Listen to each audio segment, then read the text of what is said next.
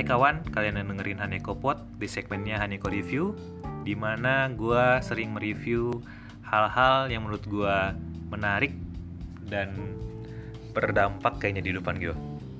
Dan gue cukup bersemangat bawain uh, yang ini karena ini adalah produk yang berupa film yang gue suka banget yaitu produk-produk filmnya Kak Ernest Prakasa. Kalau lo belum tahu, gue itu fans banget sama Kak Ernest dan semua film-filmnya gue ikutin dan semuanya nggak ada yang ngecewain gue jadi pertama gue ceritain dulu it, awal mula terjadinya film ini. Jadi sebelumnya itu Kak Ernest karena udah mendapatkan banyak penghargaan di film-film yang sebelumnya kalau lu, lu pernah ngikutin ngenes atau lu pernah nonton cek toko sebelah atau juga susah sinyal ada juga Winnie dan Mamet uh, itu film-film berkualitas menurut gue dan karena karena sering dapat banyak penghargaan dia juga mau membagikan ilmunya ke orang-orang. Dia dia buat kelas ya. Buat kelas di berbagai macam kota. Ada yang di hotel ada yang di mana. Dan ada juga di live. Jadi dia bagiin banyak sekali cerita-cerita uh, cerita-cerita. Eh ilmu-ilmu sorry. Dia ngebagiin ilmu-ilmu. Dan ketika dalam proses pembagian ilmu itu dia mendapatkan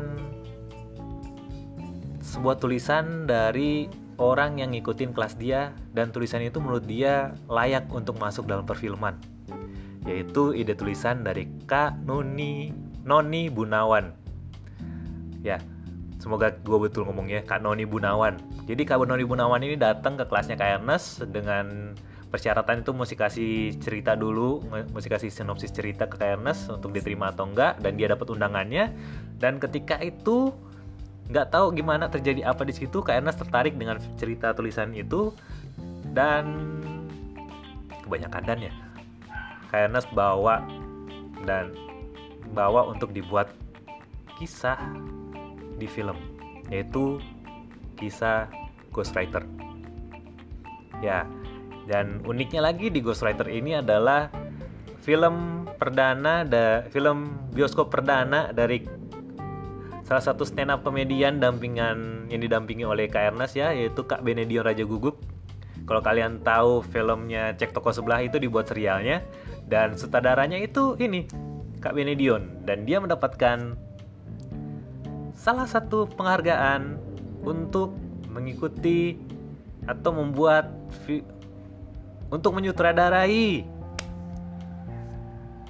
film Ghostwriter. Ini jadi film perdana, film bioskop perdananya Kak Benedion dan juga film tulisan pertama dari seseorang Noni Bunawan. Gila. Keren banget, enggak? Menarik banget maksudnya. Ya, menarik dan keren gitu karena Enes Prakasa bisa menempatkan talenta-talenta baru gitu di Indonesia. Jadi film ini diproduksi langsung oleh KNS Prakasa dan juga Bapak Chan Parweservia yang sangat gue hormatin karena gue berterima kasih karena berkat dia dia memberikan kesempatan ke Ernest untuk berkarya di dunia perfilman. Semua film-filmnya keren banget.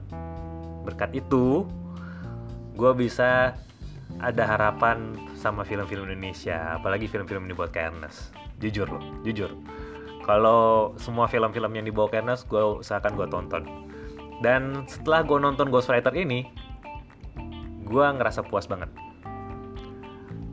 Ada sesuatu ya di film ini yang bikin gue empati banget sama semua karakter-karakter di ceritanya. Sekalipun gue bukan penulis, gue juga belum pernah menemukan hantu atau melihat hantu, tapi gue ngerasa empati aja di film ini. Horornya pertama sih gue nggak ngerasa takut-takut amat ya. Karena horornya menurut gue mild gitu nggak begitu nyeremin tapi juga mm, nggak nggak nakutin gitu. Jadi horornya dapet gitu deg-degannya itu kena dari background musiknya dari apa dari shoot pengambilan shootnya dan dari jump scare-nya lumayan ngedek-dekin dan lumayan ngagetin. Tapi buat kalian yang nggak terlalu suka film horor juga ini nyereminnya tuh nggak sampai jantung lu copot gitu. Cuma nyeremin abis itu ketawa-ketawa lagi. Jadi ringan gitu horornya tuh horor ringan. Karena ini horor komedi kan. Jadi cukup ringan dan menurut lu kalau lu nggak suka film horor lu cobain yang ini. Kayaknya horor ini cocok buat lu gitu loh. Dan paling nyeremin itu apa ya? Dari beningnya gitu. Jadi ada dua hantu di sini. Ada hantunya yang diperankan oleh KG ada hantu yang diperanin oleh Kak Asmara Abigail. Dan aktingnya Kak Asmara itu gila keren banget. Dan pas gue nonton itu pas dia teriak ngejerit itu aduh gila. Serem banget. Karena apa ya? Lebaynya hantu dapet lebay lebaynya hantu tapi gitu dapet teriaknya dapet sedihnya dapet takutnya juga dapet. Jadi lu ngelihatnya tuh aduh gila lu nonton ketakutan sampai berkaca-kaca gitu. Gila gila lu pokoknya. Campur aduk gitu semuanya pas lu lihat itu. Fans banget. Gue sama actingnya sama pembawaan karakternya itu gue fans banget. Dan betul-betul ya ceritanya juga jelas dan nyaman diikutin.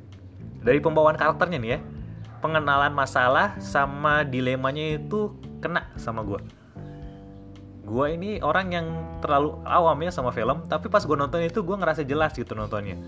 Nggak terlalu mikir keras dan gue nyaman duduknya. Ibarat roller coaster kursinya minimal kursinya nyaman lah. Enak didudukin. Sampai gue percaya sama roller coaster itu untuk lanjutin ke jalurnya. Dan pas lu naik roller coaster itu jalur udah mulai jalan nih jalurnya keren banget jalan ceritanya seru tegangnya kena, terus ada ketawa-ketawanya, prihatin, terus sedih lagi, terus lu prihatin lagi, dibawa ketawa lagi, dibawa tegang lagi, habis lu ketawa-ketawa lagi, terus tiba-tiba lu sedih banget. Gila, keren banget. Ceritanya rapi dan jujur ya. Perasaan lu dimainin, tapi lu puas ketika perasaan lu dimainin. Itu baru laki-laki sejati ya. Jujur gue sebagai seorang laki-laki yang jarang nangis gue nangis loh sama adegan pelukan di di film itu. Adegannya betul-betul nangis bikin gue nangis. Apalagi itu pas Mbak Ca Ca Tatiana Sapira dipeluk sama G gue nangis banget. Gue nangis banget. Kenapa? Gue nggak rela. Gue nggak terima jujur gue nggak terima. Cantik gitu dipeluk sama cowok. Biarlah cowok ganteng atau cowok gimana tetap gue nggak terima. Hmm.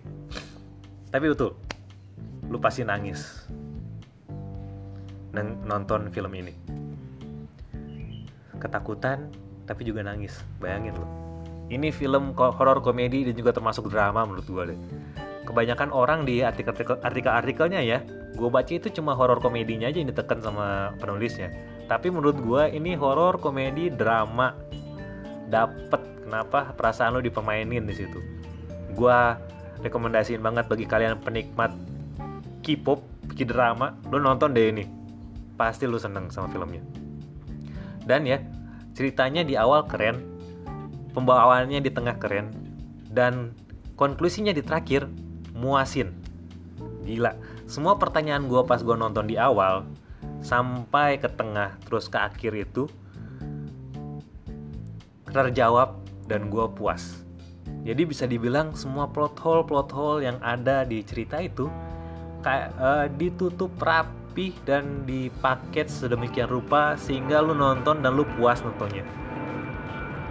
Gila, gak kayak film-film luar negeri sekarang. Kalau lu nonton film-film luar negeri, mereka sengaja naruh plot hole biar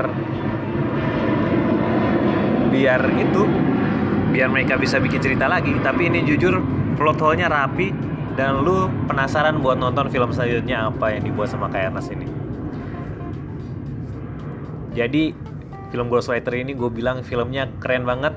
Awalnya keren, deg-degannya dapet, seremnya dapet, nangisnya dapet, dilemanya dapet, dramanya dapet, karakternya semuanya dipahami.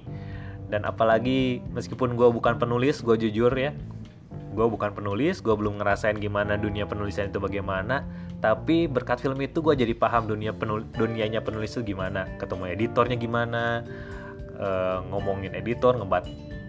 Pokoknya keren banget deh ceritanya sama uh, itulah pembawaannya.